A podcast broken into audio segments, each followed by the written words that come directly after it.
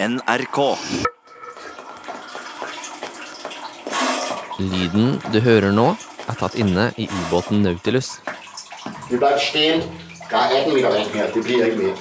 Stemmen du hører, er Peter Madsen. Nå går jeg også lige litt sikkerhedstunge. Det skulle være planmæssigt gået autofokus. Det er her inne, i det trange, mørke og sylinderformede oppholdsrommet, at politiet mener Madsen drepte Kim Wall. Før han parterte liket hennes og senket kroppsdelene på sjøen. Denne uka her skulle Kim Wall ha feiret sin 31. bursdag. Men slik gikk det ikke. Hun mista livet sitt på jobb under et intervjuoppdrag for magasinet Wired. På en ubåttur med Peter Madsen. Politiet i København bekreftet i kveld at det er funnet en ille tilrett kvinnekropp i sjøen, der de søker etter den savnede svenske journalisten Kim Wall.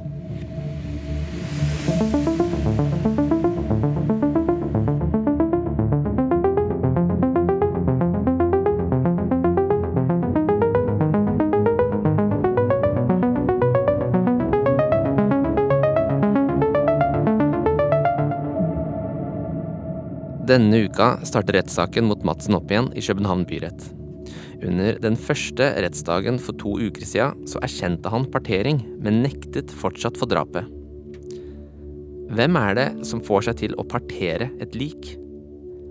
Hvem er Peter Madsen? Det skal vi forsøke å finne ut mer av i denne episoden. Du skal snart få møte flere personer som kjente Madsen godt, men først må vi innom rettssalen i København. Da han ble konfrontert med at han har løyet om hvordan Val døde, sa han Jeg ønsket ikke å dele med verden på hvilken måte Kim Wall døde. Han forklarte at det var en ulykke og at han er uskyldig. Jeg står ved min forklaring helt til deres bevis gjør at jeg er nødt til å fortelle hvordan hun døde. Den første av i alt tolv rettsdager startet opp til et blitsregn den 8. mars. Pårørende, tilhørere og pressefolk fra hele verden var til stede, og rett før klokka seks på morgenen så sto vi i kø sammen med andre pressefolk og ivrige publikummere som ville sikre seg plass i rettssalen. Kollega Olav Rønneberg satt like bak Peter Madsen. Eh, Hvilket bilde var det aktor prøvde å tegne av Peter Madsen? Han starta jo med å, å snakke om han. Ja, Aktor tegna et bilde av en eh, for det første begavet og intelligent mann, men en farlig mann, en løgnaktig mann, en, en beregnende mann og en mann med store personlighetsforstyrrelser. Eh, Madsen viste jo ingen tegn til følelser, bortsett fra når aktor presset han på hans eh, seksualbaner. Da ble han irritert på aktor, men han viste jo ingen tegn til anger eller beklaget noen ting før han ble pressa på det. Eh, så det var eh, en ganske kald forklaring. Mitt navn er Sverre Holm Nilsen, og denne podkasten er lagd sammen med journalist Emma Claire Gabrielsen og krimkommentator Olav Rønneberg. Vi har vært og besøkt ubåten, der den ligger nå i Nordhavn utenfor København sentrum en rekke ganger. Vi har en følelse av at danskenes forhold til ubåten sier noe om deres eget forhold til både Peter Madsen og rettssaken. Den vekker både nysgjerrighet og avsky. En av de vi treffer, er Kenny. Har du vært her før? Ja, jeg har vært før. Ja. Ja, jeg har vært før. Ja. Og lige kigge litt, men jeg har, jeg har vært om aftenen, Ja. så jeg ikke rigtig kunne se noe ordentligt. Ah, okay, så, jeg vil, så jeg vil herned og se det dagslys. Hvorfor har du lyst til å komme hit og se den? Jamen altså, som jeg sagde før, nå har jeg jo kun sett den i, i mørket. Og jeg tænker bare, at det, det kunne da være meget sjovt at lige se den i, i, i, i lysets perspektiv, og se, hvad det er for noget. Fordi, fordi en ting er at se den om natten, ikke? en anden ting er at se den om dagen. Det er bare lige sådan øh, forholdsstørrelsesmæssigt, jeg tænker. Fordi det er jo den største ubåd, der bliver bygget. Ja. Den der. Så derfor synes jeg, at det er lidt spændende alligevel. Ja, ikke sant? Det er jo ikke hver mand, der kan bygge sådan en, jo. Det er det ikke. Kenny er langt ifra den eneste som har tatt turen til Nordhavn. Ifølge danske journalister har det begynt å komme egne turistbusser ut for å se på Nautilus. Første gang vi så den, sto den helt åpen på land. Nå er den pakka inn i presenninger. Emma og jeg er på vei til kafé Havnelyst. Kaffebaren Havnelyst. Havnelyst, ja. Er den åpen? Se Ja. Den ligger bare noen hundre meter unna Nautilus, og er det eneste serveringsstedet som ligger i nærheten av ubåten. Det er så veldig dansk ut.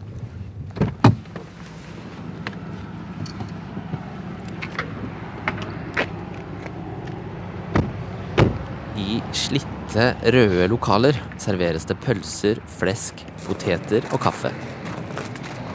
Sånn rødmalt liten hytte av en kafeteria. Med pølsemiks til 40 kroner. Kafé Havnelyst drives av Mai. Mai er en dame i 50-60-åra som ikke syns det er noe greit å ha ubåten liggende så nære sin egen bedrift. Jeg har ikke brug for å stå og kikke på noe. Men jeg tror man sådan, Hvad siger du? generelt som dansker, så tror jeg bare ikke man er interesseret i sådan noe. Altså, det er ikke noe man gidder å bruke energi på. vel? Hvorfor ikke? Bare. Det ved jeg. Synes du, det er interessant å kigge på Hugo Madsens øh, ubåd? Når man tenker på, hva han har lavet? Nei. Vel, Nej. Men var han, Man tager simpelthen afstand fra det. men var han interessant før? Nej, ikke for mig. Nej. Jeg ved ikke, hvordan andre mennesker har det. Men ikke, ikke mig. Kan jeg spørre deg? Er du, syns du også at eh, den matt, altså ubåten hans er uinteressant, eller? Den skal bare væk. Den skal vekk. Den Ja. skal slet ikke være nogen turistattraktion. Den skal bare væk. Den skal bare væk. Den skal ikke glemme på. Hvorfor det? Ja, fordi jeg synes, det er så tragisk, det der er sket, så folk skal ikke kunne komme og se, at det er der. Vekk Væk med det. Mai og havnearbeideren som vi møter inne på kafeen, er ikke alene om å føle avsky over både ubåten og hele saken.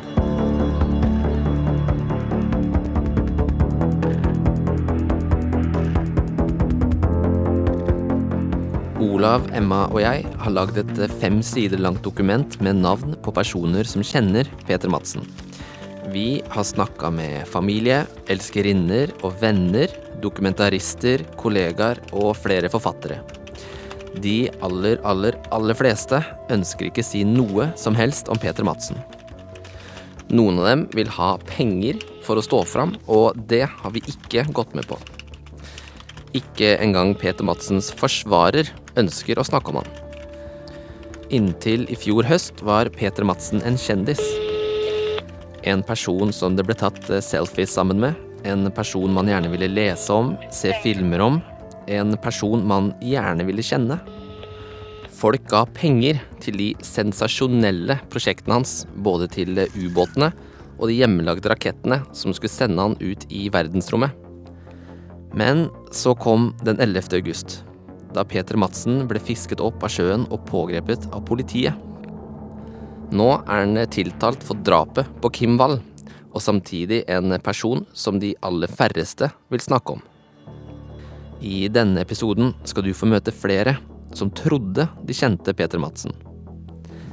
En av dem er en kunstner, Jeg tror ikke, det var den samme person. Uh, altså, han sød, en sød fyr. Altså sånn øh, åben og involverende.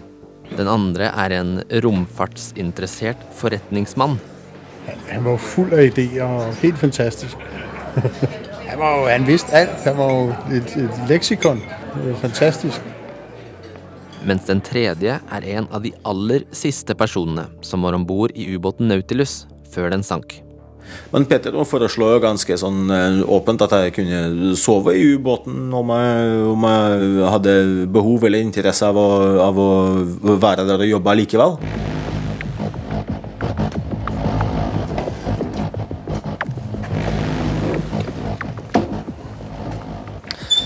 For det jeg tenkte, Olav, er at bare, Hvis vi kan ta en liten oppsummering på hva vi vet om, eh, om Peter Madsen til nå. Hva har vi etter å ha snakka med folk som kjenner han og er vokst opp med han? Altså, for det første, Hva vet vi om barndommen hans? Ja, Noe vet vi jo eh, som fakta, og det er at han ble født i 1971 i en dansk by som heter Sæby. Eh, og at han de første årene bodde sammen med mor, far og, og tre halvbrødre. Det kommer også fram i en bok som er gitt ut eh, om Peter Madsen.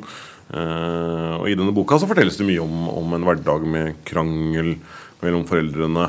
Visstnok vold fra faren mot halvbrødrene. En ganske sånn oppvekst med, med mye uro, virker det som.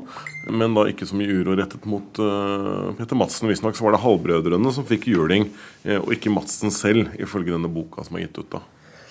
Hva vet vi om interessen hans for da raketter og ubåter? da?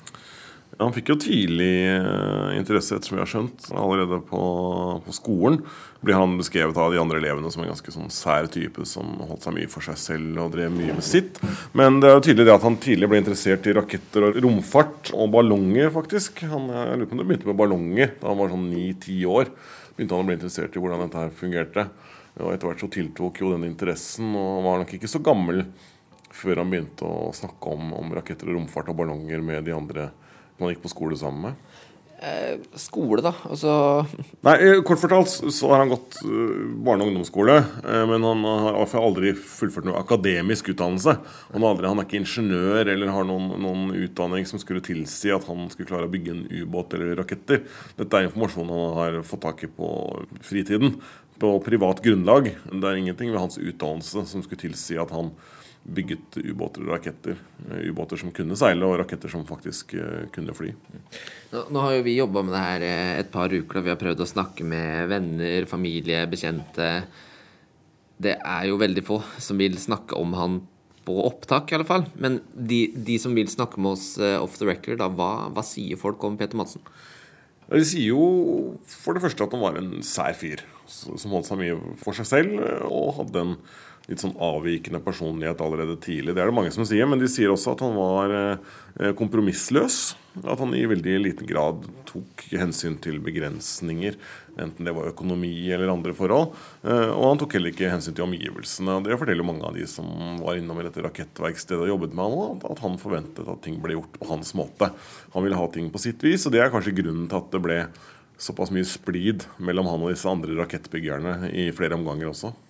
De fleste vi har snakket med som kjente Peter Madsen fra før denne siktelsen, fra før han ble pågrepet, eh, sier som du sier at han var snill. Eh, de sier at eh, nyheten om denne arrestasjonen og siktelsene kom som et sjokk. De ble veldig overrasket. Veldig mange ble veldig overrasket over at Peter Madsen ble siktet for drap og også tiltalt for det.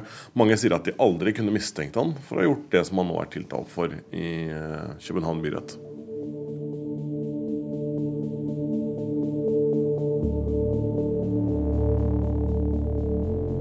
På Facebook så har vi funnet et bilde som en av brødrene til Peter Madsen har delt. På bildet så er det sol og sommer, og det er fem brødre som sitter ute på en gårdsplass og drikker øl. De smiler og holder armene rundt hverandre. Nederst til venstre på bildet så ser vi Peter Madsen. Under der igjen så står det at det her bildet ble tatt den 1. juni i 2008. Bildet ble lagt ut på Facebook for fem år sia, og da hadde broren skrevet Her er et sjeldent bilde av alle oss fem. Peter var alltid svært vanskelig å tracke, men denne gangen lyktes vi. I januar i år så delte den samme broren bildet på nytt. Nå med teksten På ti år kan alt endre seg. Det er drømmen om verdensrommet som egentlig har vært målet for alt Peter Madsen har gjort. All ledig tid har gått med til å bygge raketter og å eksperimentere med rakettbrennstoff.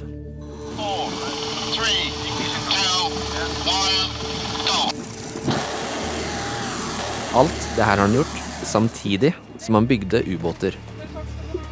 Jeg er på vei til en av de som ble fascinert av ubåten hans. Dina Nilsen, som bor i en liten landsby ca. tre km fra flyplassen i Århus. Dina møter oss på flyplassen i en eldre grå Alfa Romeo med norske bilskilter. Dina er dansk og jobber som kunstner. Hun bor på en bondegård fra 1736 sammen med sin norske kjæreste og en venninne. Velkommen til. Jo, tusen takk. Bondegården er malt i gult, og i hagen så står det forskjellige kunstinstallasjoner. Blant annet en eh, halvspist stråmann som ble brukt til en fastelavnsfeiring, og et gammelt skip. I hjørnet av hagen er det en liten jordflekk hvor de dyrker grønnsaker.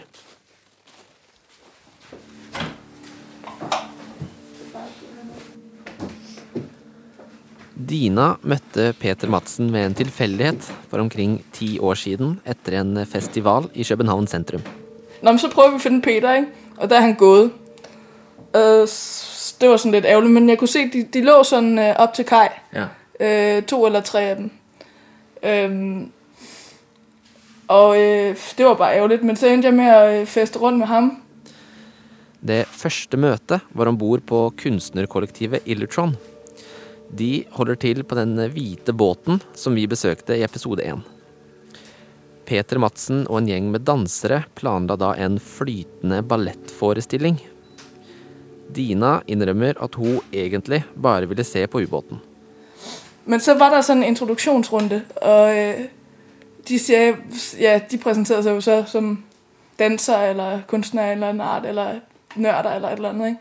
Og så kom det til meg, og så var jeg sånn jeg kom fra Køge, og jeg skal bare, jeg vil gerne se noen ubåt. Øhm, og så sagde Peter sådan, Nå, er det derfor, du er sådan? Ja, så, nå, men så kommer du bare med, mens vi øver. Og så, øh, og så sådan, ja, helt sikkert, ikke? I løpet av årene så møttes Dina og Peter en rekke ganger. Peter Madsen er nå tiltalt for å ha drept og partert en kvinne om bord i Nautilus. Men Dina sier at hun aldri hadde noen betenkeligheter med å møte kompisen sin. Han var en helt fin fyr. Altså, det, var- der var ikke... Men hvorfor skulle man også tro det om folk? Nei, altså jeg hadde ikke, nei, overhodet ikke noen altså, tanke eller frykt for, at han var... Nei, ikke sant? overhovedet ikke. Hvordan var Peter når han var nede i ubåten? Var han stolt? Hadde han kontroll, eller var han Meget åben og meget sånn... øh, involverende, og ja, stolt var han vel også. Det ved jeg ikke, om jeg tænker, altså, du ved sådan, altså jeg tror ikke, at han synes jo, det er fedt, når folk de synes, det er fedt, eller sådan, ikke? En, altså åben og engageret, og sådan in, in, involverende, mm. og øh, energisk type. jeg tror, altså min pointe, måske en lille smule utålmodig type. Ja, ja. ja. Han var bare sådan, øh, ja, sådan helt, hele tiden sådan fremad-agtigt, og nu skal vi, vi, vi skal eksekvere, eller vi skal, vi skal, vi skal få det gjort, ikke? Vi skal gøre det her, eller... Han var, han var ikke en fyr som liksom satte seg ned og slappa av så mye? Nej, nej, det er ingen af de møder, øh, jeg har haft, har han siddet stille.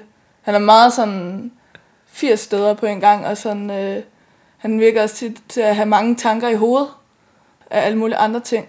Så øh, ja, optaget. Men også, altså, både at have lavet nogle ubåde. På det tidspunkt var ubådene jo færdige, og han var i gang med at lave raket der, ikke? Eller ubåd, eller luftballons. Dina forteller en historie om en gang hun og Peter satt ute på en steinmolo og snakka. Peter fortalte da om eh, barndomsdrømmen sin. At han ville reise ut i verdensrommet i en eh, hjemmesnekra rakett. Jeg kan godt huske, jeg sad sånn øh, vi sad på et tidspunkt sådan ude på målen, øh, ude på Køge Mole, derude på de der stenmole. Ja. Og han sad og snakkede om sin øh, barndomsdrøm om at, øh, at flyve til månen, ikke? Og komme i, eller komme i orbit om jorden og sådan noget. Ikke? Fordi jeg nok har spurgt et eller andet, sådan, hvorfor fanden er du startet på det her, eller et eller andet. Ikke? Og jeg ved ikke, om han har, har bare et eller andet standardiseret svar, men, men altså, hvordan, hvorfor begynder man at lave sådan noget, uanset, ikke? Men, og kan eksekvere det, eller sådan, det er jo sindssygt, når man er amatør, han er jo ikke uddannet, Nej, det er selvlært. det er selvlært, ikke? Det er jo ret vildt, altså. Man må være rimelig kompromilløs for at gøre sådan noget. Men helt sikkert en sådan social type, jamen vel god til situation, øh, sociale sammenhæng, eller sådan. Jeg har ikke, altså jeg kan slet ikke forstå, at der, var en, der er en mor der i ham, vel? Men Fordi de tingene vi har snakka om nå, da, altså han, han, had, han omgikk mye med, med kunstnere. Var, Mhm. var, var han kunstnerisk selv, eller var han mer en praktisk ingeniørtype? det er, jo, det er jo en god sammenblanding. Dina sier at hun var i en familiebursdag da nyheten om at Peter Madsen var siktet for drap, ble kjent. Alle i familien visste fra før at Dina og Peter kjente hverandre. Jeg var til min brors fødselsdag den 12. august. Og øh, det var ham, der sa det til meg sånn Hei, Dina, har du hørt det der sådan, øh, med ham der øh, raketmassen der, ham du har været ude og sejle, fordi jeg har jo fortalt den her historie mange gange igennem de sidste 10 Mm. år. At jeg har været ude og sejle i ubåd, ikke? Med raketmassen der.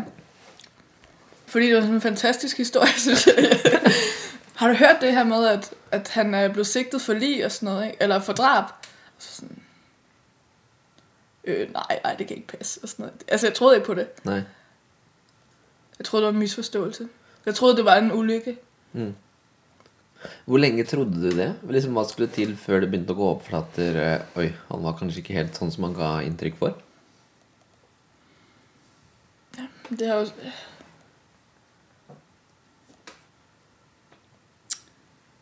Øhm, de første måneder inntil der var, altså han, øh, indtil der var beviser. Mm. Altså, inntil, så- indtil de fant kroppen? ja, kroppen og jeg, og hende og sådan noget. Øh, fordi indtil da, så kan jeg da huske sådan... Han var lidt en held. Ja. Fordi at han som... Altså den der inspiration i, at man kan gøre, hvad man vil. Uh, den er godt nok backfired, men altså sådan... Men det er da mega inspirerende, at man kan lave så...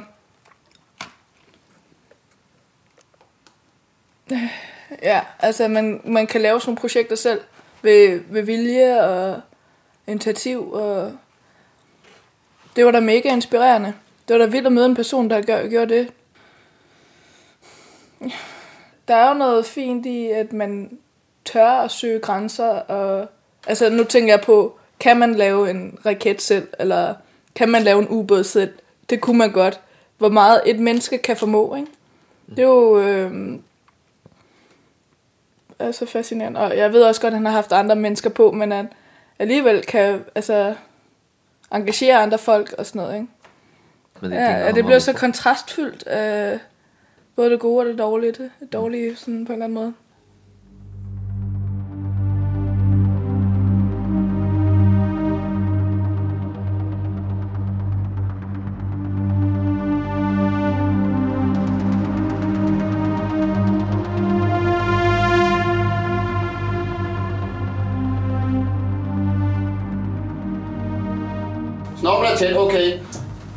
Passeret 7 meter vand over tårnet. Hvor kommer det der? Nå, den der, Ok. Nå er vi tilbake i ubåten Nautilus.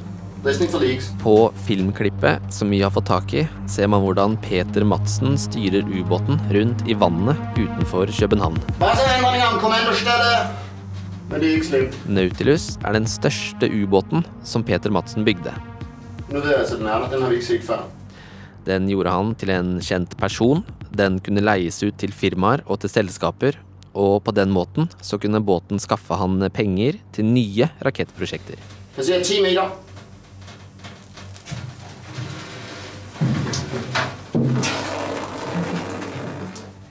Prosjektene til Peter Madsen har i flere år fått mye oppmerksomhet.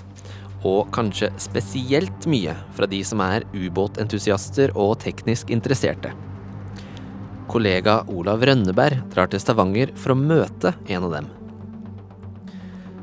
Mikael Juget vokste opp i en liten by i Nord-Russland før han flytta til Norge. I hjembyen lå det alltid flere ubåter og skip, så interessen for teknologi og ingeniørkunst starta derfor svært tidlig.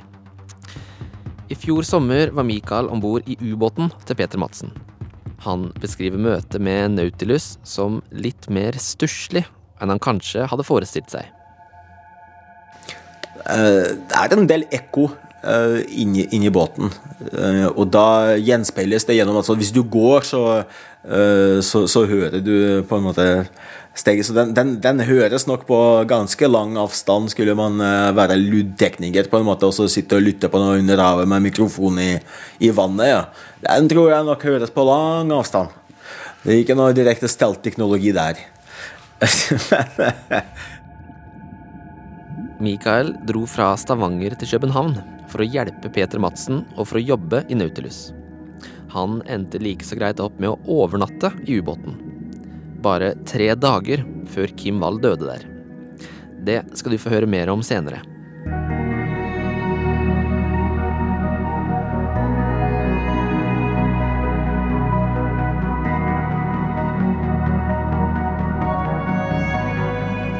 Frivillige som Mikael har vært helt avgjørende for alle Madsens prosjekter, og ikke minst for at barndomsdrømmen å bygge en hjemmelagd rakett som skulle skyte han ut i verdensrommet, skulle bli en virkelighet. Peter Madsen var helt avhengig av at prosjektene hans ble støttet med gratis arbeidskraft og sponsormidler. For selv hadde han ikke noe penger. Han hadde ingen utdannelse, og i lange perioder hadde han ikke betalt jobb. Hva var det som gjorde at han fikk folk til å satse på drømmene hans? Vi skal møte en som gjorde det, i København sentrum.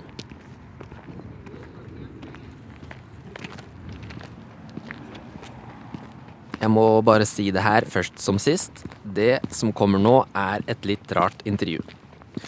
Lars Hastrup og kona Louise bor egentlig et godt stykke utenfor København, men de gikk med på å møte oss på svært kort varsel, mot at intervjuet måtte skje på en restaurant. Det var godt. Hei, velkommen til. En restaurant hvor de ansatte synger kjente showtunes og musikalsanger mellom rettene.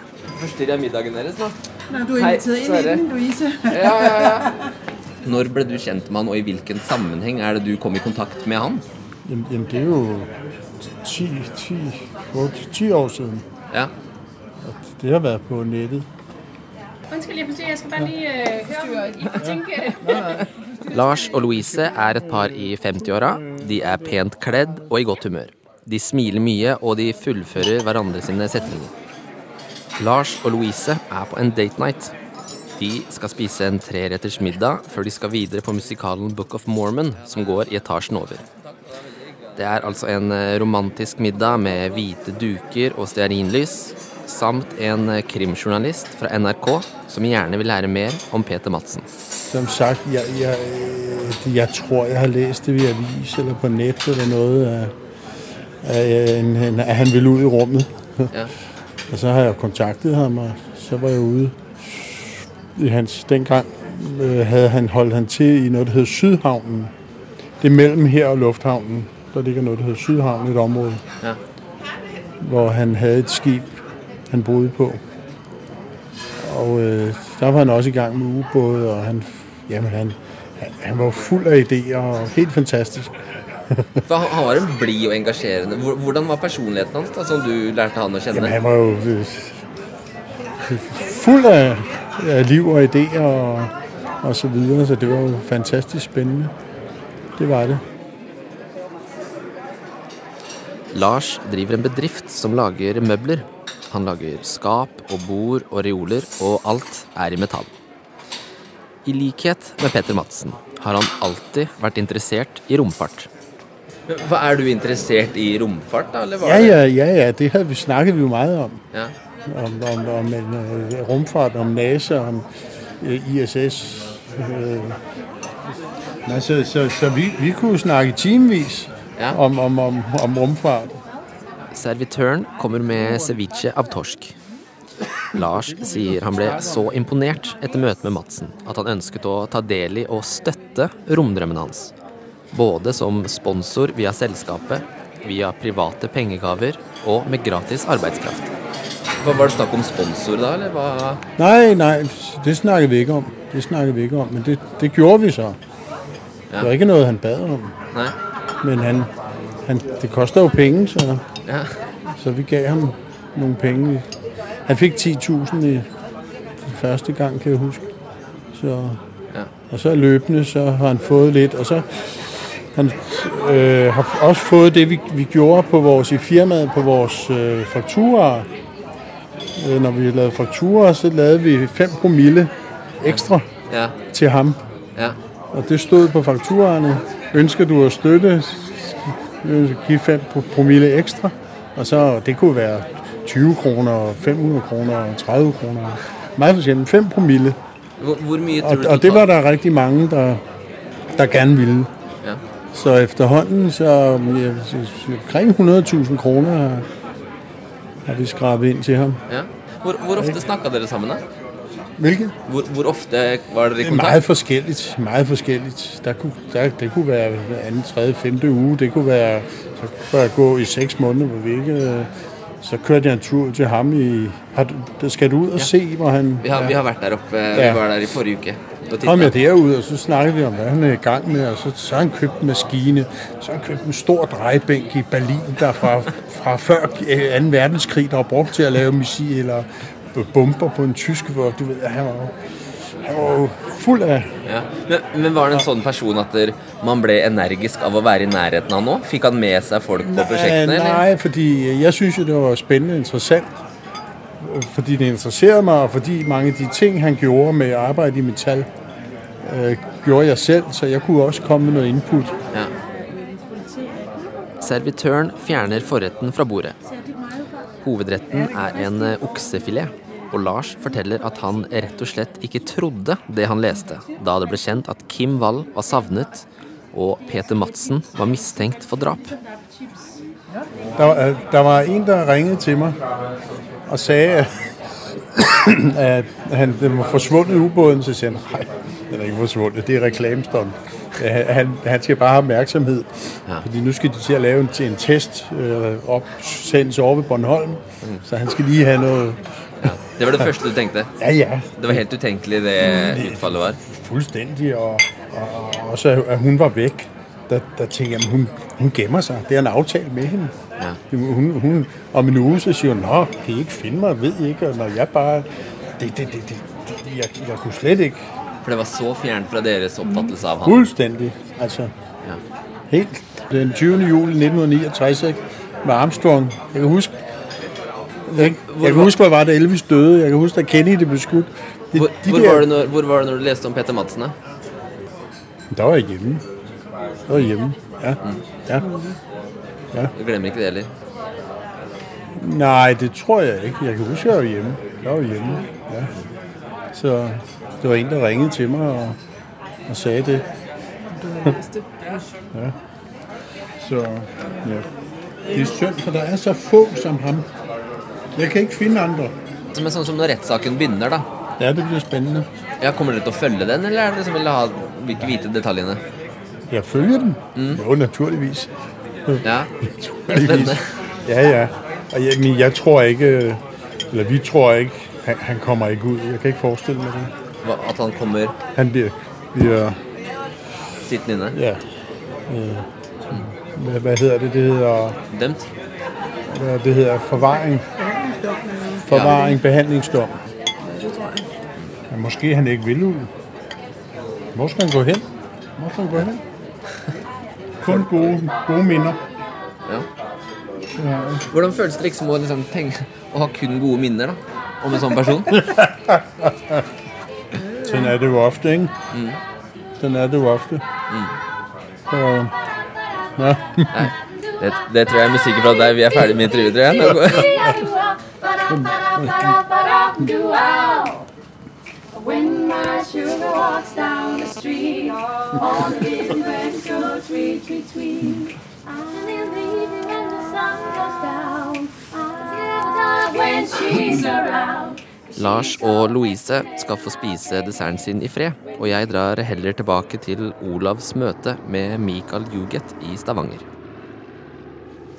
Jeg eh, generelt er jo veldig interessert i teknologi. Jeg har vokst opp i, eh, i, eh, i, et, i en by da, med, med både ubåter og båt i, i, i Nord- Nord-Russland. da. Og så har det liksom alltid vært innenfor eh, teknologi og ubåter eh, for meg. Det er en sånn slags ingeniørkunst i seg selv. da. For det er jo tross alt eh, maskiner da, som går under vann, som har kommunikasjon, som har alt om bord for å kunne overleve. Det, det fascinerer meg. Det fascinerer meg generelt, sånn både ingeniørmessig og teknologimessig. Eh, Så tok jeg kontakt etter eh, det jeg har sett på YouTube eh, med, med han Peter Madsen, etter å ha funnet han på Facebook. Og så spurte jeg bare da, da om, om Er det du da, Petter, som har bygd ubåten?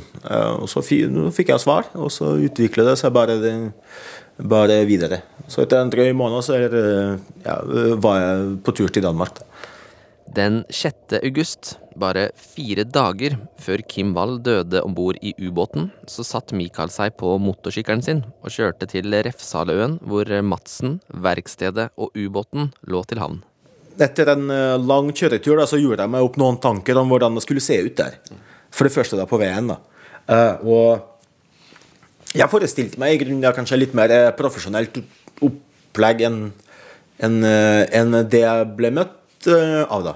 For jeg ble, eh, ble møtt av en blikkhanger, eh, på en måte. Altså, hvis man sammenligner den bygningen da, som, som man på en måte eh, gikk fra i 2014 og til denne blikkhangeren, så må jeg si at jeg var litt uh, skuffet over uh, fasilitetene. Da du kom dit, ble du tatt imot av Madsen selv? Ble du satt i arbeid? Hva, hva skjedde? Jeg ble tatt imot av eh, Peter, eh, Peter selv, ja. Eh, og vi ble jo enige på forhånd at jeg skulle komme fram til eh, rundt en eh, fem-seks-tiden på kvelden. Ute fra ferga i Charles, og så kjøreturen til, til København. Så jeg var jo der rundt halv seks-seks-tiden, og så ble jeg jo ganske så umiddelbart satt i arbeid med å lage en fester til fallskjerm, som skulle da brukes til å bringe raketten, eller deler av raketten ned igjen etter eh, testoppskytingen. da. Da Mikael kom til Refsaløen, var det flere andre frivillige som han som var der for å hjelpe til. Arbeidsplassen var en eh, rusten blikkhangar som ligger noen hundre meter unna vannet. Men Madsen var, var sjefen der? Madsen var sjefen der, ja. Da arbeidsdagen var over, måtte Mikael finne seg et sted å bo. Sjefen hans, Peter Madsen, tilbød han å heller overnatte i Nautilus. Det her var noe som Mikael ikke kunne takke nei til. Dette er hans beskrivelse av en natt i ubåten. Det er jo ikke sånn at det, det er noe voldsomt av eh, plass. Men eh, man, man, man skal definitivt ikke være så veldig klaustrofobisk eh, for å kunne befinne seg inni den. For det, det er jo alt en, en, et lukket rom. En, en rund, lukket rom. eh, Som er laget av metall.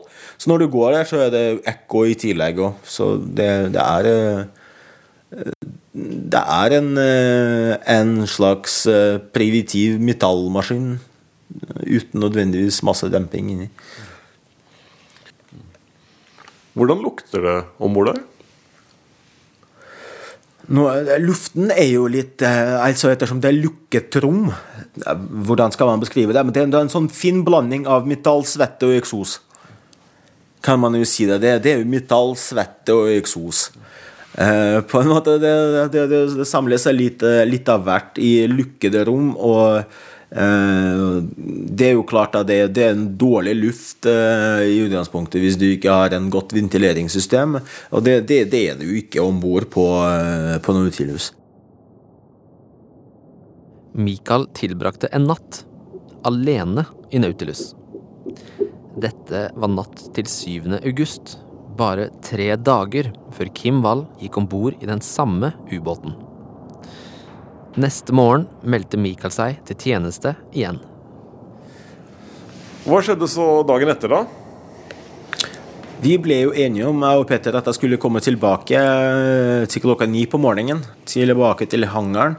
eh, Og fortsette da å jobbe med påfallende eller tilfeldig arbeid i løpet av eh, dagen. Eh, Men når jeg først da kom fram dit, så sto han jo i telefon. Eh, og så litt sånn uh, skuffa ut, eh, på en måte. Altså, han var en ganske lang samtale. Jeg måtte jo stå der og vente og, eh, og, eh, og, til han ble ferdig. Eh, og når han først ble ferdig, så kom han med den nyheten det, det at testoppskytingen eh, ble uh, kansellert. At eh, han ikke fikk noe tillatelse eller eh, av noe av den graden, og at det ikke var noe mer å gjøre der. Eh, for meg, og da, da sa han jo direkte Mikael, det, det er ikke noe mer du kan gjøre her, så du kan eh, egentlig bare dra hjem.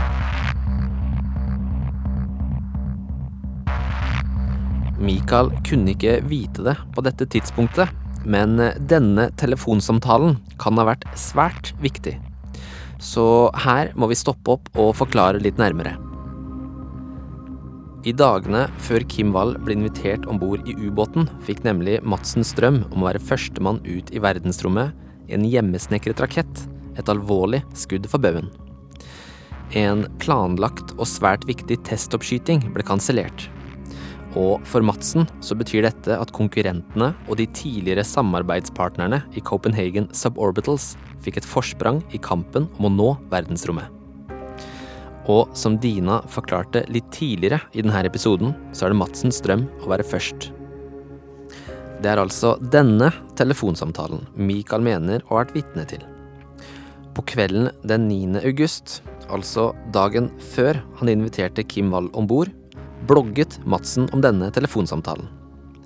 I bloggen går det tydelig frem at han er frustrert og føler seg urettferdig behandla. Blogginnlegget ble publisert rett før klokka halv elleve på kvelden. Ifølge aktor så skjedde det et dramatisk skifte i Peter Madsens liv i løpet av disse døgnene i august i fjor. Og dette skulle få fatale følger. Reporter Simon Solheim forteller hva aktor har lagt fram i retten i dag. Det er lagt fram bilde av ei sag, og uh, i tillegg så er det lagt fram tegning av stikkskade på Kim. Uh, det er òg uh, vist fram bilde av stropper både fra ubåten og i sammenheng med funn av kroppsdelene til Wall.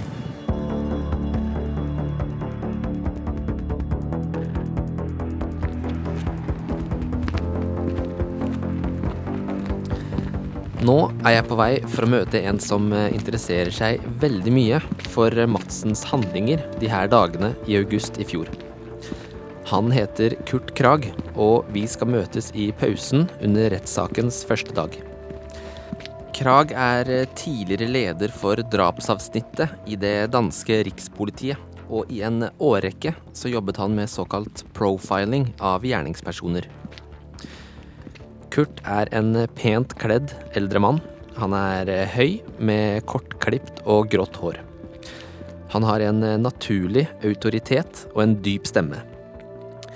Han både ser og høres ut som en som heter Kurt Krag, og som har jobbet med å jakte drapsmenn og tungt kriminelle i mange år. Vi møtes på en kafé noen hundre meter unna rettssalen. Det, det, det er meget spændende det her, og, det er derfor, jeg, jeg ved godt, det lyder lidt, lidt, lidt kynisk og sådan noget, men, men jeg synes sådan rent professionelt, så er det jo en fantastisk spændende sag at studere og komme ind under huden på ham og finde ud af, hvad er det, der, der er årsag til det her. I løpet av de siste ukene så har vi ringt eh, fem A4-sider fulle av navn på personer som kjenner Peter Madsen. Og absolutt alle vi har snakka med, sier at de aldri har hatt noen som helst grunn til å mistenke at eh, Peter Madsen kan ha gjennomført det han nå står tiltalt for. Samtlige ble sjokkert da de hørte nyheten. Krag sier at de her handlingene som Madsen nå er tiltalt for, kan ha kommet som følge av fantasier over en lang, lang periode. Han kaller det som har skjedd for en prosess, og som i 99% av tilfellene forblir en fantasi. De fantaserer om å gjøre de ting. Og de fleste, 99 av alle, de gør det aldri. Men så er det noen enkelte noen der plutselig en dag sier 'nå gjør jeg det. Og det kan være, fordi der er sket et eller annet i deres liv. Og vi vet jo her med Peter Madsen, at jeg tror, det er dagen for inden, der lider han et stort nederlag i forbindelse med, med noget raketopsendelse. Så ifølge det, jeg kan forstå, så har han været meget vred. Altså lige op til. Han har været meget vred. Og, og, og det, der kan være sket, det er, at han så kanaliserer sin, sin vrede i det hele taget. Det kanaliserer han over på en person, som han slet ikke har nogen relationer til. Det er jo ikke noget personligt. Øh, og det er derfor, han udvælger en, en, en, en, øh, en person, han ikke har nogen relationer til. Han gør det jo ikke over for sin nærmeste, sin, dem han, har, han, han kender i sit privatliv.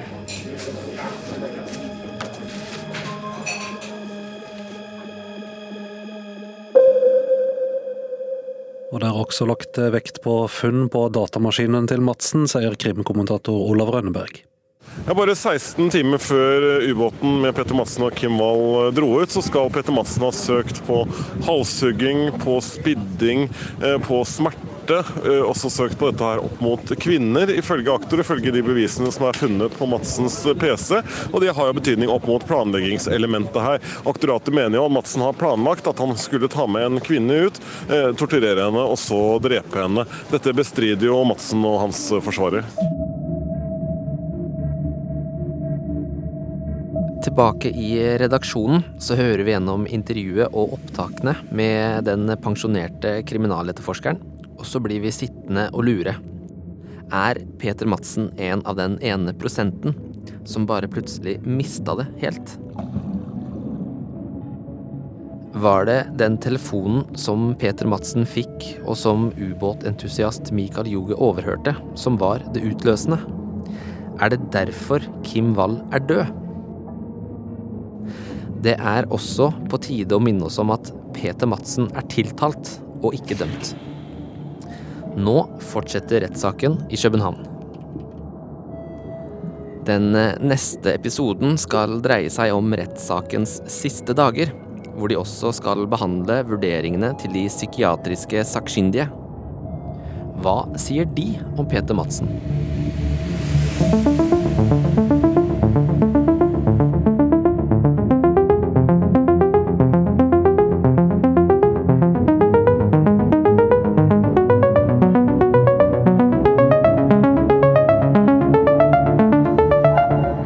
Har lagd denne podkasten, er Olav Rønneberg, Emma Claire Gabrielsen og Sverre Holm Nilsen. Lyddesign Merete Antonsen. Prosjektleder er Lars Kristiansen, og redaktør Marius Tetli.